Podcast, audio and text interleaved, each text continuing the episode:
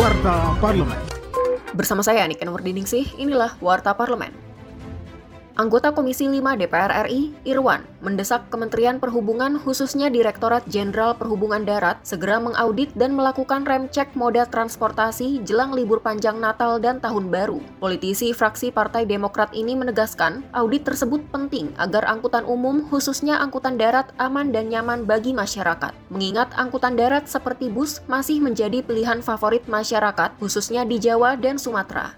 Warta Parlemen Wakil Ketua Komisi 10 DPR RI, Abdul Fikri Fakih, mendorong peningkatan dukungan riset dan teknologi untuk pelaku ekonomi kreatif, khususnya di Kampung Purun, Kalimantan Selatan. Karena kalau diperhatikan lebih, lebih bagus dan ada link antara industri ekonomi kreatif dengan perguruan tinggi misalnya, maka riset itu sangat eh, berarti baik itu dari produksi maupun sampai nanti ke pemasaran karena ini belum ada cerita bahwa ini diekspor dan sebagainya. Padahal harga udah bagus saya kira. Kualitas juga saya kira uh, nggak jauh lah dari negara-negara lain. Informasi selengkapnya kunjungi laman dpr.go.id.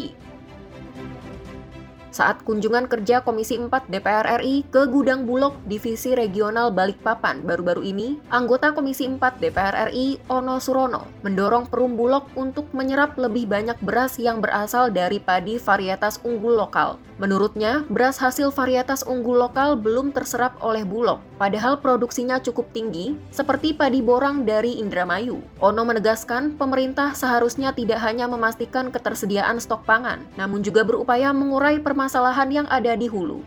Televisi Radio Parlemen Demikian Warta Parlemen, Produksi Televisi dan Radio Parlemen, Biro Pemberitaan Parlemen, Setjen DPR RI.